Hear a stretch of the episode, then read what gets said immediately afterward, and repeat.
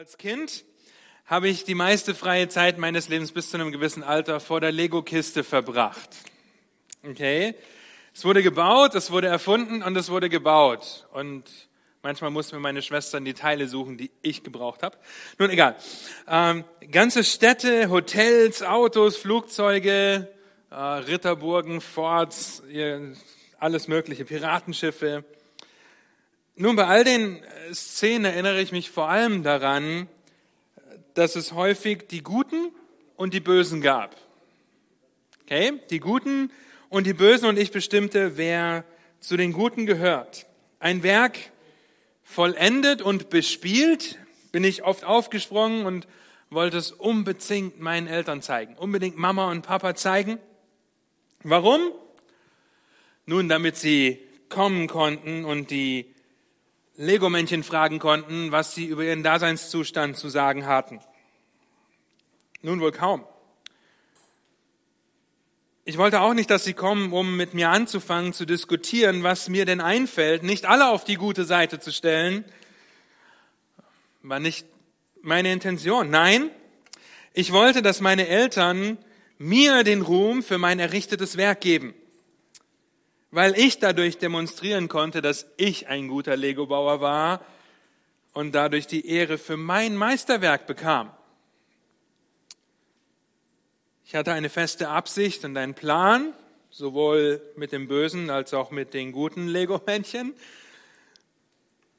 Und der wurde nicht immer in Frage gestellt. Nun, das ist eine absolute rea natürliche Reaktion, oder? Wenn wir unsere Kinder für das ermutigen, was sie gemacht haben, ohne großartig die Entscheidung in Frage zu stellen. Aber sobald es zur absoluten Souveränität Gottes kommt, wird es plötzlich kompliziert. Scheinbar kompliziert. Wie kann Gott nur? Das ist unfair. Am Ende ist Gott dann doch nur barmherzig und alle werden gerettet. Wie kann er denn nur einige retten? Nun, vielleicht hast du Aussagen wie diese schon gehört oder hast in den letzten Tagen und Wochen darüber nachgedacht, was Gottes Erwählung für dich bedeutet, als wir die ersten 13 Verse betrachtet haben. Hast darüber nachgedacht, wieso und warum Gott das Böse zulässt und warum Christus für so viel ein Stein des Anstoßes ist. Und wenn wir uns heute Abend darüber Gedanken machen wollen, dass es in Gottes souveränem Plan um Gott geht, dann möchte ich dieses und das nächste Mal mit insgesamt drei Wahrheiten uns vor Augen führen, die uns ermutigen sollen, wenn wir über Gottes Souveränität nachdenken. Damit, wenn ihr es noch nicht getan habt, schlagt Römer 9 auf und lest mit mir die Verse 14 bis 33 und stellt fest, dass es in Gottes souveränem Plan um Gott geht. Und wenn ihr mitlest, achtet darauf, vielleicht findet ihr diese drei ermutigenden Wahrheiten in unserem Text. Römer 9 ab Vers 14, Gottes Wort sagt, was wollen wir nun sagen? Ist etwa Ungerechtigkeit bei Gott? Das sei ferne. Denn zu Moses spricht er, wem ich gnädig bin, dem bin ich gnädig und wem ich, über wen ich mich erbarme, über den erbarme ich mich. So liegt es nun nicht an jemandes Wollen oder Laufen, sondern an Gottes Erbarmen. Denn die Schrift sagt zum Pharao, eben dazu habe ich dich aufstehen lassen, dass ich an dir meine Macht erweise und dass mein Name verkündigt werde auf der ganzen Erde. So erbarmt er sich nun über wen er will und verstockt, wen er will. Nun wirst du mich fragen, warum tadelt er dann noch? Denn wer kann seinem Willen widerstehen? Ja, o oh Mensch, wer bist denn du, dass du mit Gott rechten willst? Spricht auch das Gebilde zu dem, der es geformt hat, warum hast du mich so gemacht? Oder hat nicht der Töpfer die Macht über den Ton aus, dem, aus derselben Masse das eine Gefäß zur Ehre und das andere zur Unehre zu machen?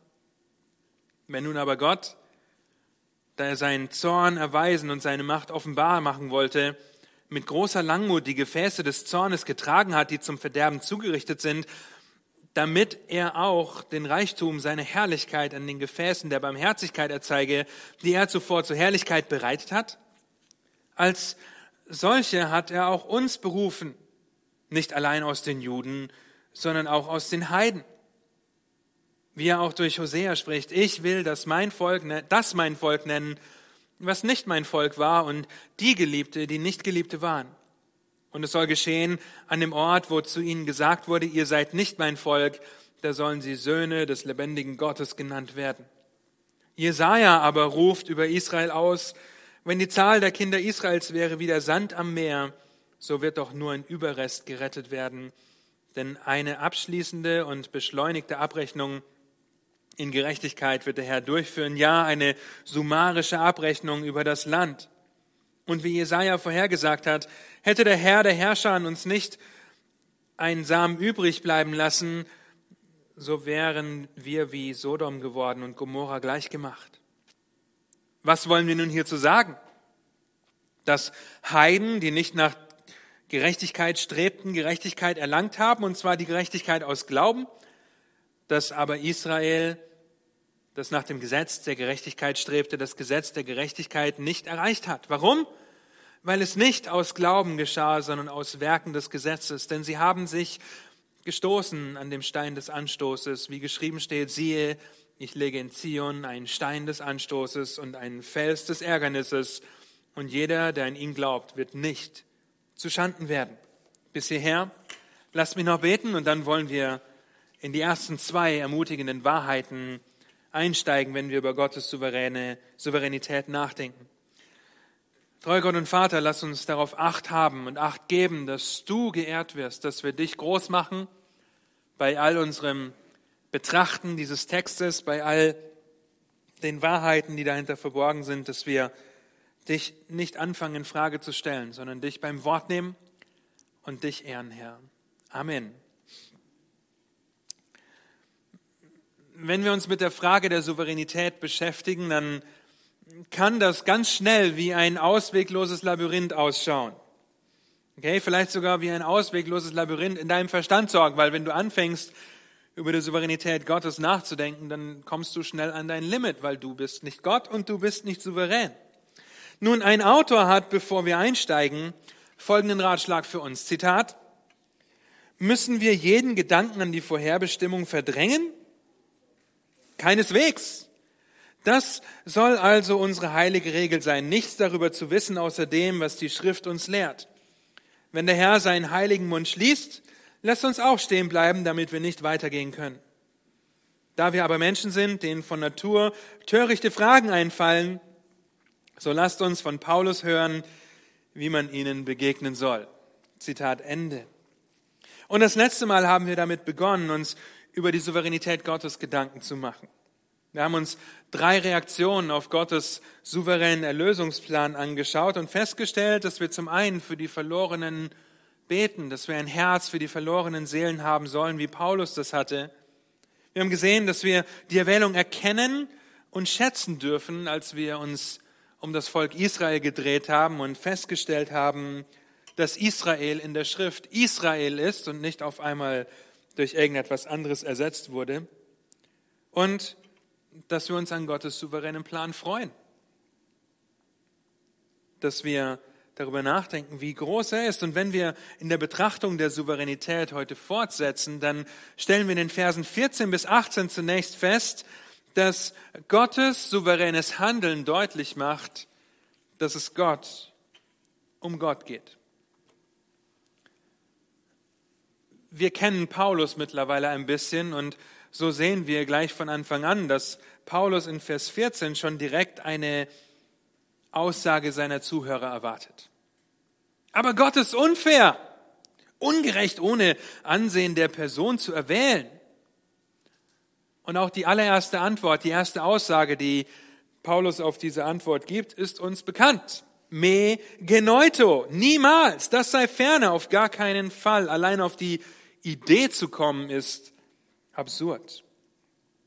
Aber dem Heiligen Geist sei Dank belässt Paulus es nicht bei dieser Antwort, sondern führt aus, dass Gottes Handeln deutlich macht, dass es Gott um Gott geht. Ihr seht das daran, dass in diesen Versen, die Paulus hier aus dem Alten Testament zitiert, dass Gott von sich in der ersten Person spricht.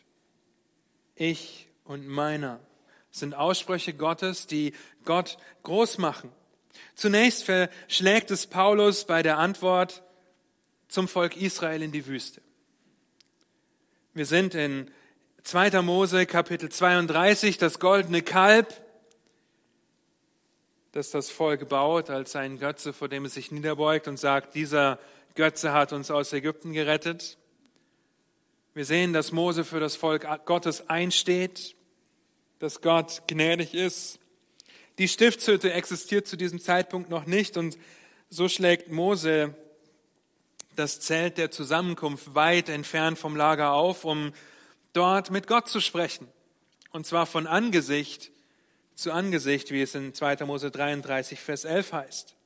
Und in 2. Mose 33 bittet Mose Gott um etwas. Er bittet Gott darum, dass er seine Herrlichkeit sehen möge und beruft sich auf die Gnade Gottes. Was ist die Antwort Jahwes? Was ist die Antwort des bündnishaltenden Gottes in 2. Mose 33, Vers 19? Ich will alle meine Güte vor deinem Angesicht vorüberziehen lassen und will den Namen des Herrn vor dir ausrufen. Und wem ich gnädig bin, dem bin ich gnädig. Und über wen ich mich erbarme, über den erbarme ich mich. Gott zeigt Mose alle seine Güte.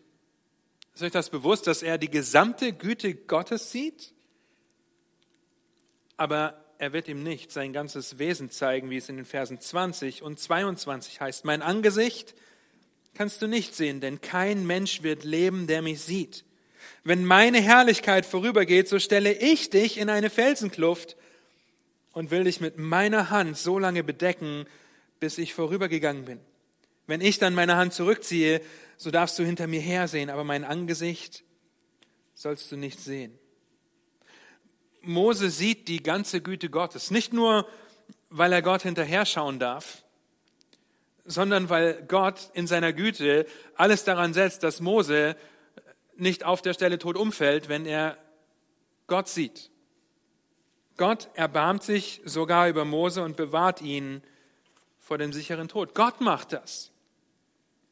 Gott geht es um Gott.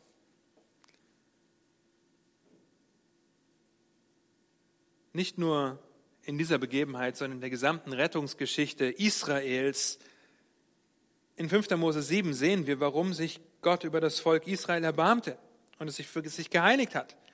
Da heißt es ab Vers 6, 5. Mose 7, Vers 6, denn ein heiliges Volk bist du für den Herrn, oder für Jahwe dein Gott. Dich hat Jahwe dein Gott aus allen Völkern der Welt, die auf Erden sind, damit du ein Volk des Eigentums für ihn seist. Nicht deshalb, weil ihr zahlreicher wärt als alle Völker, hat Jahwe sein Herz euch zugewandt und euch erwählt, denn ihr seid das geringste unter allen Völkern, sondern weil Jahwe euch liebte und weil er den Eid halten wollte, den er euren Vätern geschworen hatte. Darum hat Jahwe euch mit starker Hand herausgeführt und dich erlöst aus der Knechtschaft aus der Hand des Pharao, des Königs von Ägypten. Gott geht es immer um Gott. Immer um Gott. Zurück zu Römer 9. Er ist gnädig mit wem er will und er erbarmt sich über wen er will. Nun, was ist der Unterschied zwischen Gnade und Barmherzigkeit oder Gnade und Erbarmen? Was bedeutet es, dass Gott gnädig ist? Dass er uns etwas gibt, was wir nicht verdienen. Wir erinnern uns an Epheser 2, aus Gnade seid ihr errettet, nicht aus Werken. Was bedeutet es, dass Gott barmherzig ist und sich erbarmt? Dass er uns nicht das gibt, was wir verdienen. Das ist eine, eine kleine Feinheit in der Definition, aber in Römer 6, Vers 23 heißt es, der Lohn der Sünde, das, was wir verdient haben, richtig ist, der Tod. Zu sagen, dass Gott unfair ist, weil er Erbarmen zeigt und weil er Barmherzigkeit übt, bedeutet zu sagen, dass Gott jedem Menschen dieses Erbarmen schuldig sei. Aber Barmherzigkeit und Gnade sind absolut unverdient und umsonst. Gott schuldet niemandem die Errettung. wenn er niemandem die Errettung schuldet, was ihr unter anderem in Römer 1 bis 3 lesen könnt, warum Gott niemandem die Errettung schuldet, weil wir absolut verdorben sind. Und wenn er niemandem die Errettung schuldet, dann ist er frei, seine Errettung entweder allen zu geben, entweder nur einigen zu geben oder keinem zu geben. John Stott, ein Ausleger, bringt es auf den Punkt, indem er sagt, Zitat, die Art und Weise, wie, Gottes, wie Paulus Gottes Gerechtigkeit verteidigt ist, seine Barmherzigkeit zu verkündigen. Das klingt wie ein unlogischer Fehler, aber das ist es nicht. Es zeigt einfach, dass die Frage selbst falsch verstanden wird, denn die Grundlage, auf der Gott heilbringend mit dem Sünder umgeht, ist nicht Gerechtigkeit, sondern Barmherzigkeit. Zitat Ende. Versteht ihr das? Wenn Gott heilbringend mit dem Sünder aufgrund von Gerechtigkeit umgehen würde, hätten wir keine Chance. Das heißt, die erste Antwort auf die Frage, ob Gott unfair ist, beantwortet Paulus damit, dass es nicht um uns, sondern um Gott geht. Er tut, was er möchte. Der Lohn der Sünde ist der Tod und nicht deine Errettung. Getrennt von Gott bist du ein Feind Gottes, der nichts anderes als den Tod und den Zorn Gottes verdient hat. Und Barmherzigkeit heißt, dass ich nicht bekomme, was ich verdient. Aber nein, der Mensch, vielleicht sogar du als Christ, der du hier sitzt, versteht das entweder nicht oder will es nicht glauben, will es nicht wahrhaben. Und so sagt ein anderer Kommentator, das ist Johann Calvin und John Owen, die in diesem Kommentar zusammengefasst werden, heißt es, Zitat, der menschliche Verstand ist so gefallen, dass er eher bereit ist, Gott Ungerechtigkeit vorzuwerfen, als sich selbst die Schuld an seiner Blindheit zu geben. Wir sind schneller bereit, Gott die Schuld zu geben, als selbst die Schuld an unserer Blindheit zu erkennen. Ihr Lieben, das Schockierende ist nicht, dass Gott sich erbarmt, über wen er will. Das Schockierende an diesen Versen ist, dass Gott sich erbarmt, über wen er will. Das ist ein Unterschied der Herangehensweise.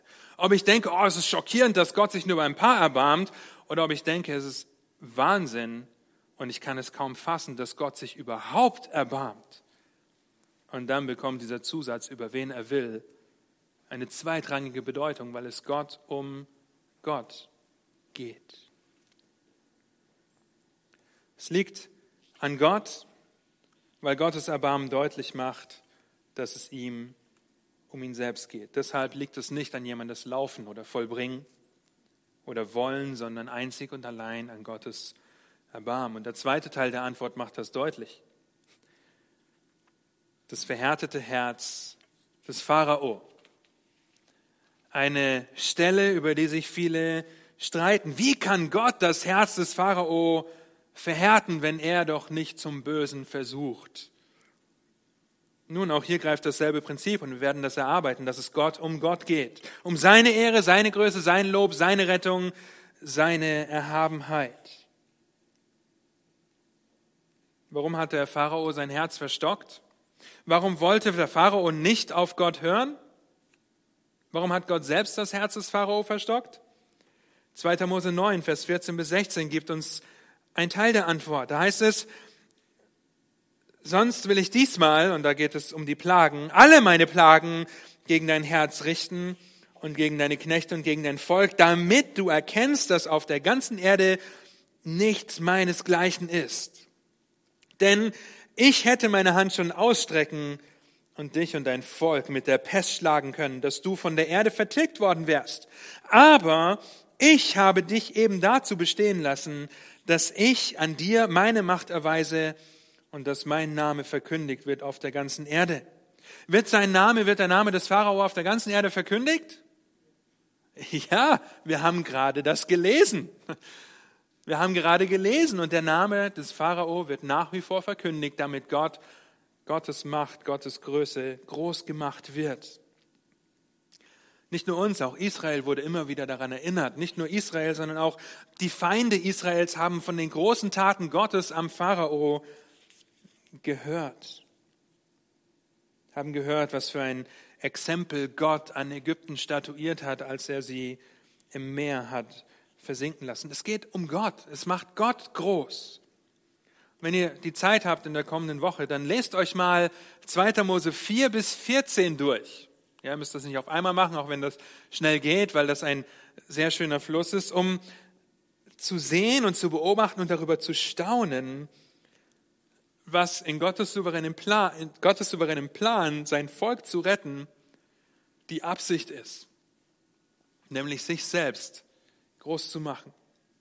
Aber warum verstockt Gott, wen er will? Ist das nicht die Lehre der doppelten Erwählung beziehungsweise die Lehre zur Verdammnis? Nun, das sei ferne. Auf gar keinen Fall. Meine Frage an euch war, Pharao ein guter Mensch? Nein, nicht nur von seinen Taten, die wir sehen, hat er Israel versklavt, hat er sie noch härter arbeiten lassen, noch mehr bestraft, hat er sich gegen das Volk Gottes gewandt? Und hat er selber sein Herz verhärtet, um sich zu weigern, auf das zu hören, was Gott sagt. Er hat sich entschieden, nicht zu hören, weil er wie jeder Mensch ein absolut verdorbener Sünder ist, der nichts mit Gott zu tun haben will. Er ist ein wandelndes biblisches Beispiel dessen, wie Römer 1, Vers 18 und folgende aussieht, dass Gott seinen gegenwärtigen Zorn offenbart. Gott hat den Pharao dahingegeben, hat ihn seiner eigenen Starrköpfigkeit überlassen. Und die Schrift lehrt uns, dass Gott dem Hochmütigen widersteht. Und so bestätigt Gott Pharao, bestätigt Gott dem Pharao in seiner Position zu verharren und hat ihm das gegeben, was der Pharao wollte, um seinem eigenen Namen, Gottes Namen, die Ehre zu geben und groß zu machen.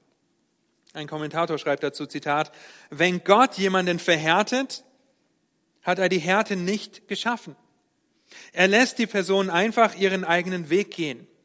Gott verhärtet diejenigen, die er verhärten will, und alle, die er verhärtet, wollen verhärtet sein.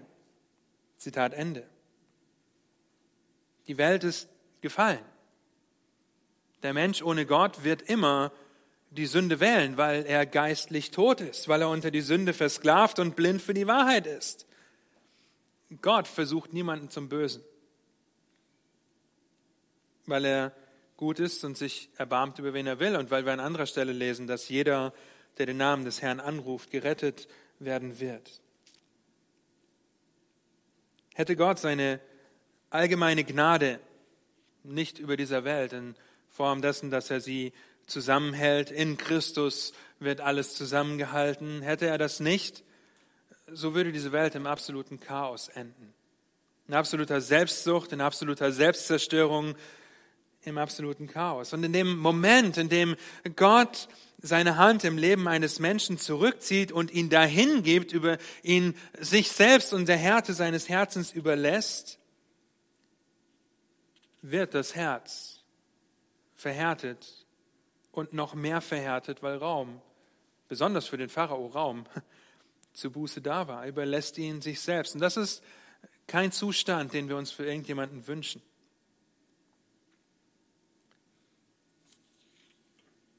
Und so wollen wir dankbar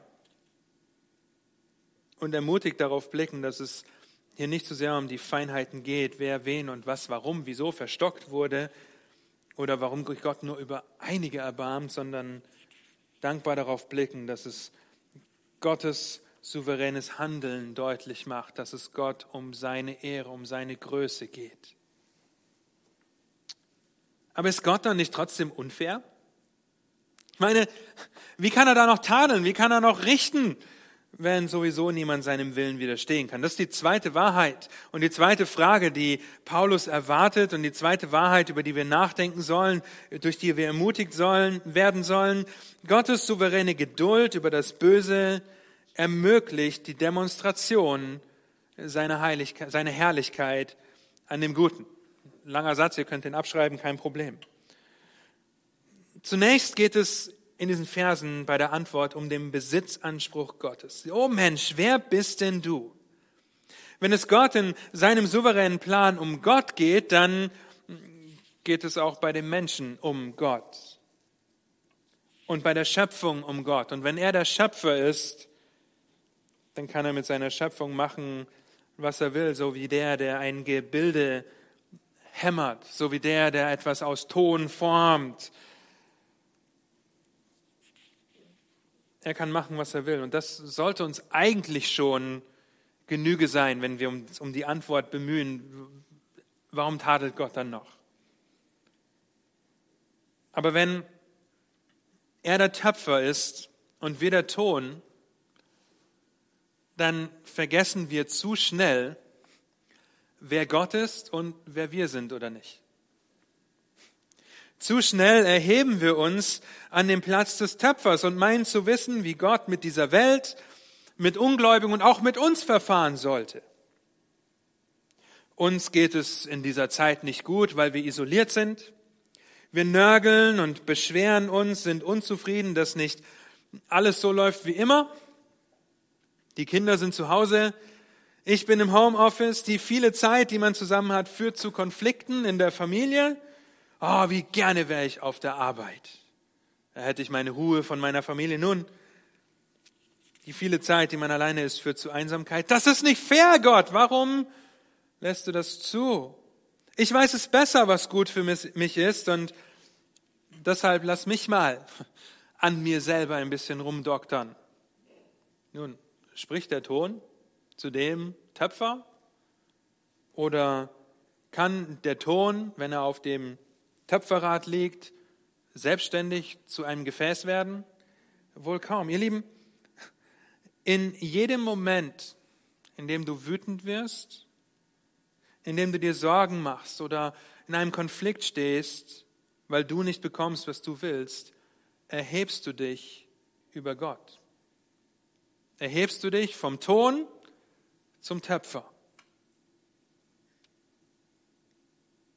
Denkt der Ton auf einmal, der Töpfer zu sein. Aber ihr Lieben, das sehen wir im Text, Gott entscheidet. Er ist derjenige, der die Wasser in der hohlen Hand misst. Er ist derjenige, der das Universum in der Hand hält. Er ist derjenige, der alles weiß, weil er allwissend ist. Und nicht nur das, er ist derjenige, der gut und weise ist. Und der, wenn er eine Entscheidung für dich, für mich trifft, in unserem Leben etwas zu bringen, wie ein Coronavirus und die damit verbundenen Einschränkungen, der das Beste in unser Leben bringt, damit wir ihm ähnlicher werden. Ihr könnt das in Römer 8 nachlesen. Er hat immer das Beste im Sinn. Und so kann er als Töpfer formen und feilen, drücken und quetschen, wie er will. Gott ist unergründlich. Keiner kann ihm Rat geben. Keiner hat ihm etwas zu sagen. Ihr könnt das in den letzten Versen von Römer 11 nachlesen. Wer bist du, o oh Mensch? Du bist ein Geschöpf, das von seinem Schöpfer oder Töpfer abhängig ist. Du bist ein Sünder, der vom Erbarmen Gottes abhängig ist und Buße tun muss, umkehren muss. Du bist nur Ton. Gott ist der Töpfer. Halte dir in den herausfordernden Zeiten, in den schweren Situationen, in deinem Alltag, wo auch immer ihr gerade seid, die wunderbar guten Eigenschaften der Souveränität Gottes vor Augen. Denn alles geschieht zur Ehre Gottes. Psalm 115, Vers 1 sagt, nicht uns, o oh Herr, nicht uns, sondern deinem Namen. Gib Ehre um deiner Gnade und Treue willen. Und später in dem Psalm heißt es, spricht es von den Götzendienern, die etwas anderem dienen als Gott, dass sie werden wie ihre Götzen. Wir können das im Psalm 115 nachlesen. Nun, Gott bekommt die Ehre in allem. Und so kommen wir zu den Versen 22 bis 24 und im ersten Moment sind diese Verse sehr kompliziert. Und man sträubt sich, ich habe mich am Anfang ein bisschen davor gesträubt, bis ich angefangen habe, sie zu studieren. Denn diese Verse werden gerne genommen, um zu zeigen, dass Gott, um seinen Zorn zu erweisen und seine Macht zu offenbaren, Gefäße zum Zorn zugerichtet hat. Doppelte Erwählung, Erwählung zur Verdammnis. Dass Gott nicht nur zur Errettung erwählt, sondern zur Verdammnis. Aber wenn wir zu dieser Schlussfolgerung kommen, lesen wir nicht aufmerksam genug und studieren nicht intensiv genug. Gott wollte seinen Zorn erweisen und seine Macht offenbaren. Dieses kleine Wort wollte in Vers 22, ziemlich in der Mitte, offenbar machen wollte. Dieses kleine Wort wollte ist ein Verlangen, ein Ziel, sogar eine Freude, etwas gewiss umzusetzen. Das will Gott machen. Und falls ihr euch je gefragt habt, warum existiert das Böse, dann findet ihr hier die Antwort. Damit Gott seine Macht erweise, an seinen Zorn, seine, seinen Zorn erweise und seine Macht offenbare. Aber er macht das nicht sofort. Er trägt das mit großer Langmut. Er ist langmütig mit Sündern, die seinen Zorn verdienen. Er ist gnädig mit Sündern, die ihn anrufen. Er ist barmherzig gegenüber denen, die sich nach ihm ausstrecken. Aber auf der anderen Seite macht er seinen Zorn auch schon gegenwärtig offenbar. Wir haben das beim Pharao schon gesehen. In seiner Geduld allerdings trägt er diejenigen, die nicht Buße tun, diejenigen zum Verderben zugerichtet sind. Und hier wird es wichtig für uns zu verstehen, was nicht gemeint ist. Okay, hier ist nicht gemeint, dass Gott sie zugerichtet hat. Die zum Verderben zugerichtet, die letzten Worte im Vers 22. Sie sind es von Anfang an. An dieser Stelle gehen wir tatsächlich ein bisschen in die griechische Grammatik, weil wir das so am besten auseinanderklamüsern können. Im Griechischen steht das zugerüstet in einem Passiv, Perfekt, Indikativ. Ihr grinst und nickt, das ist gut. Die einfache Erklärung ist, dass ein Passiv, Indikativ, Perfekt oder ein Passiv, Perfekt, wie auch immer, ja, einen Daseinszustand beschreibt, der aufgrund vergangener Handlungen in diesem Fall dem Sündenfall vorherrscht und nicht geändert werden kann. Ich gebe euch gleich noch ein Beispiel, wenn wir die andere Seite betrachtet haben. Erinnert euch an Römer 3, Vers 10 bis 20, wo es um die absolute Verdorbenheit des Menschen geht. Erinnert euch an Römer 5, wo der Mensch in Adam ist, bis er durch die Gnade Gottes, durch die Liebe Gottes in Christus sein darf, weil Gott ihn errettet. In Adam absolut verdorben. Der Mensch wird als Sünder getrennt von Gott geboren. Er ist Feind Gottes in Adam, ein Werkzeug der Ungerechtigkeit. Dazu muss man niemanden erwählen. Okay, weil das der Zustand ist, in dem ein Mensch sich seit dem Sündenfall befindet. Passiv, perfekt, indikativ. Ohne Gottes Erbarmen bist du ein Gefäß des Zorns, automatisch und schon immer. Wir haben das schon festgestellt, gerade eben. Du bist zum Verderben zugerichtet und Gott hat Geduld, dass er dich nicht sofort und direkt einfach auslöscht. Auf der anderen Seite lesen wir in 2. Petrus 3, Vers 9 aber auch, dass Gott zu seiner Verheißung steht und diese Langmut eines Tages ein Ende hat. Deswegen fordern wir auf, Buße zu tun. Wer keine Buße tun will, wird den Zorn und die Macht Gottes erleben und die Ewigkeit getrennt von ihm zu verbringen. Und das, auch das wünschen wir niemandem. Aber Gottes Langmut mit den Gefäßen des Zornes oder hat ein Ziel. Das seht ihr in Vers 23, das wird mit dem, mit dem Wort damit eingeleitet. Warum ist er langmütig? Damit, damit, damit, damit der Reichtum seiner Herrlichkeit gezeigt werde. Und hier sind die anderen Gefäße, die Gefäße der Barmherzigkeit. Und deswegen kommt Paulus dann auch in Römer 12, Vers 1 dazu, dass er sagt, angesichts der Barmherzigkeit Gottes, gebt euch als Gott wohlgefällige, lebendige Opfer hin. Die anderen Gefäße, Barmherzigkeit. In seiner Souveränität und Langmut über das Böse zeigt Gott, den Reichtum seiner Herrlichkeit über die Gefäße der Barmherzigkeit. Und hier erinnern wir uns an Mose. Ihm ist Erbarmen widerfahren. Wir erinnern uns an das letzte Mal, dass Gott ohne Ansehen der Person rettet und erwählt. Die Gefäße der Barmherzigkeit sind nämlich zur Herrlichkeit bereitet. Und was heißt es in Vers 22? Die Gefäße des Zorns getragen hat, die zum Verderben zugerichtet sind. Daseinszustand. Und hier in Vers 23 die Gefäße der an den Gefäßen der Barmherzigkeit erzeige, die er zuvor zur Herrlichkeit bereitet hat. Ein grammatikalischer, sehr wichtiger, kleiner, aber feiner Unterschied. Wir müssen es verstehen, deswegen gehen wir nochmal in die Grammatik. Und Gideon, der meine Manuskripte korrigiert, hat mich angeschrieben, äh, dieses Wort gibt es nicht in der Rechtschreibprüfung und er findet es nirgendwo. Und das ist klar, weil das griechische Grammatik ist und nicht deutsche Grammatik. Gefäße des Zorns sind zugerichtet. Passiv, perfekt, indikativ, ein Daseinszustand seit dem Sündenfall. Von Anfang an verdorben,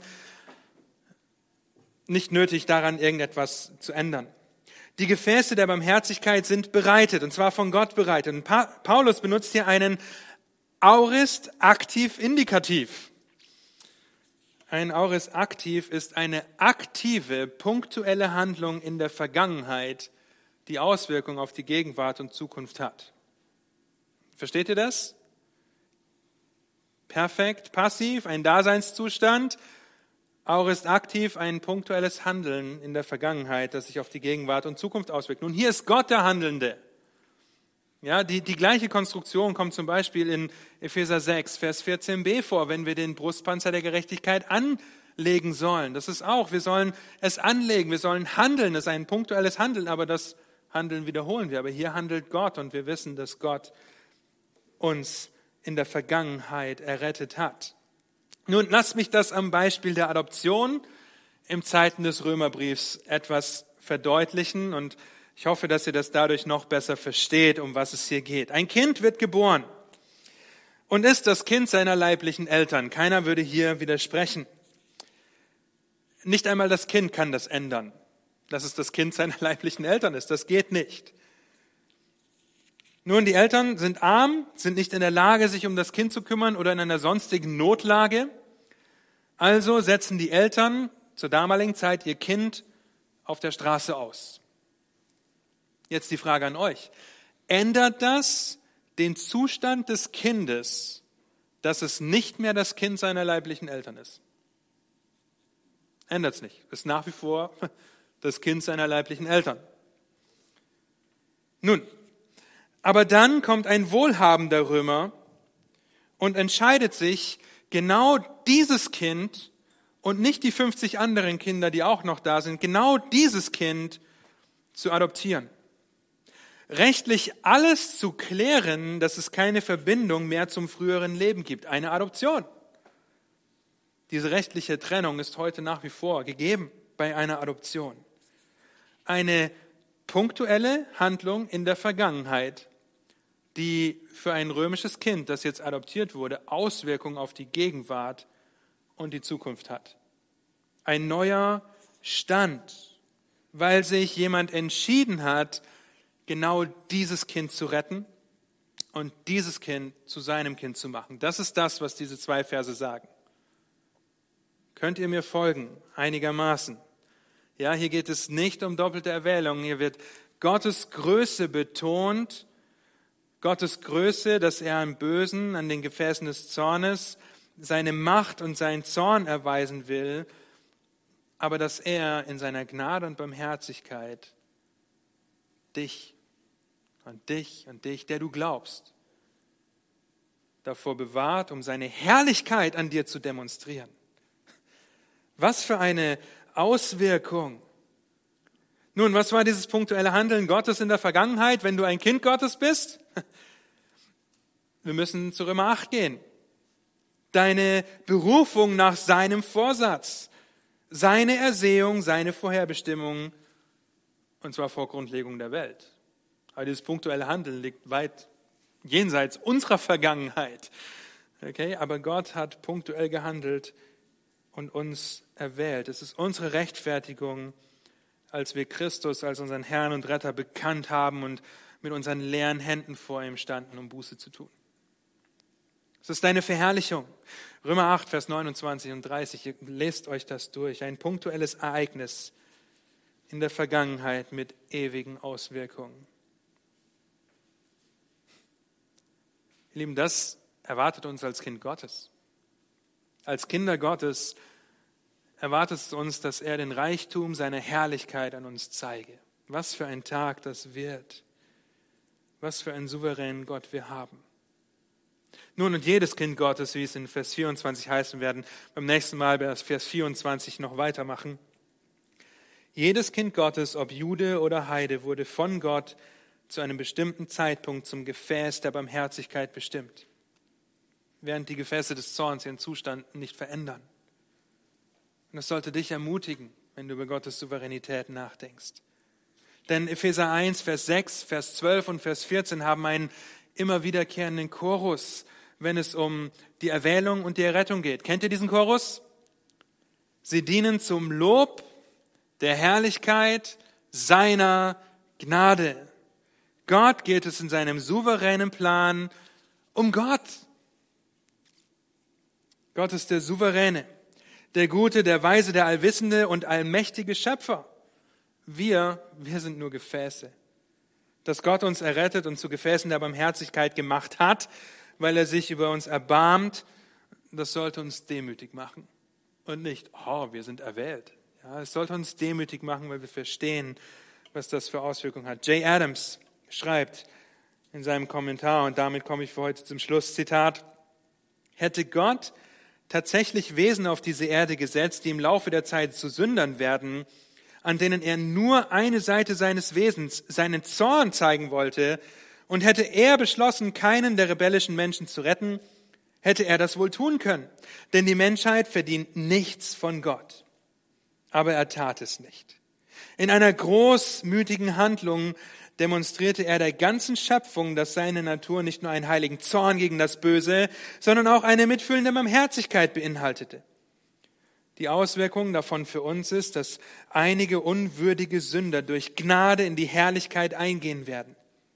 Lasst uns also all diese unbefriedigenden Antworten zurückweisen, die uns mit einem Problem des Bösen zurücklassen.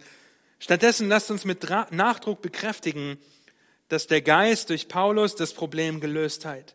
Durch die Existenz des Bösen und die Art und Weise, wie er seine Natur in der Reaktion darauf manifestiert hat, hat Gott sich selbst Ehre verschaffen.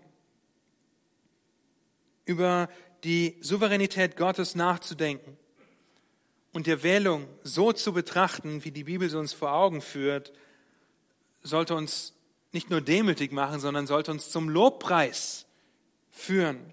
Sollte uns dazu führen, dass wir Gott erheben, der sich entschieden hat, in seiner Barmherzigkeit mich, einen verdorbenen, verlorenen Sünder, zu retten.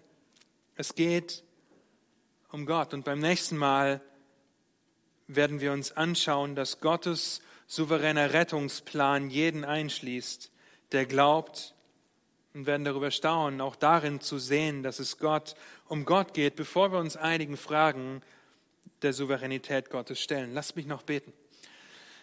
Ja, und dir gebührt alle Ehre, dir gebührt alles Lob,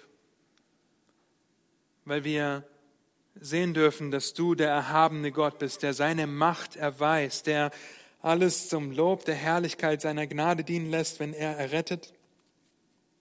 Herr, du bist der Gott, der barmherzig und gnädig und geduldig und von großer Langmut und Treue ist und der unsere Sünde wegnimmt und sie ans äußerste Meer schmeißt, so weit der Osten weg vom Westen ist. Herr, ich bete, dass du uns in deinem Erbarmen staunen lässt, dass wir uns nicht darüber den Kopf zermartern, wie du dich nur über einige erbarmen konntest, sondern dass wir darüber staunen, dass du dich überhaupt über einige erbarmt hast. Gleichzeitig beten wir, dass du dich weiterhin erbarmst und Menschen rettest, Menschen zu deinem Leib, zu deiner Gemeinde hinzufügst, damit sie auch Teil der Demonstration deiner Herrlichkeit werden. Das bete ich um deines Namens willen. Amen.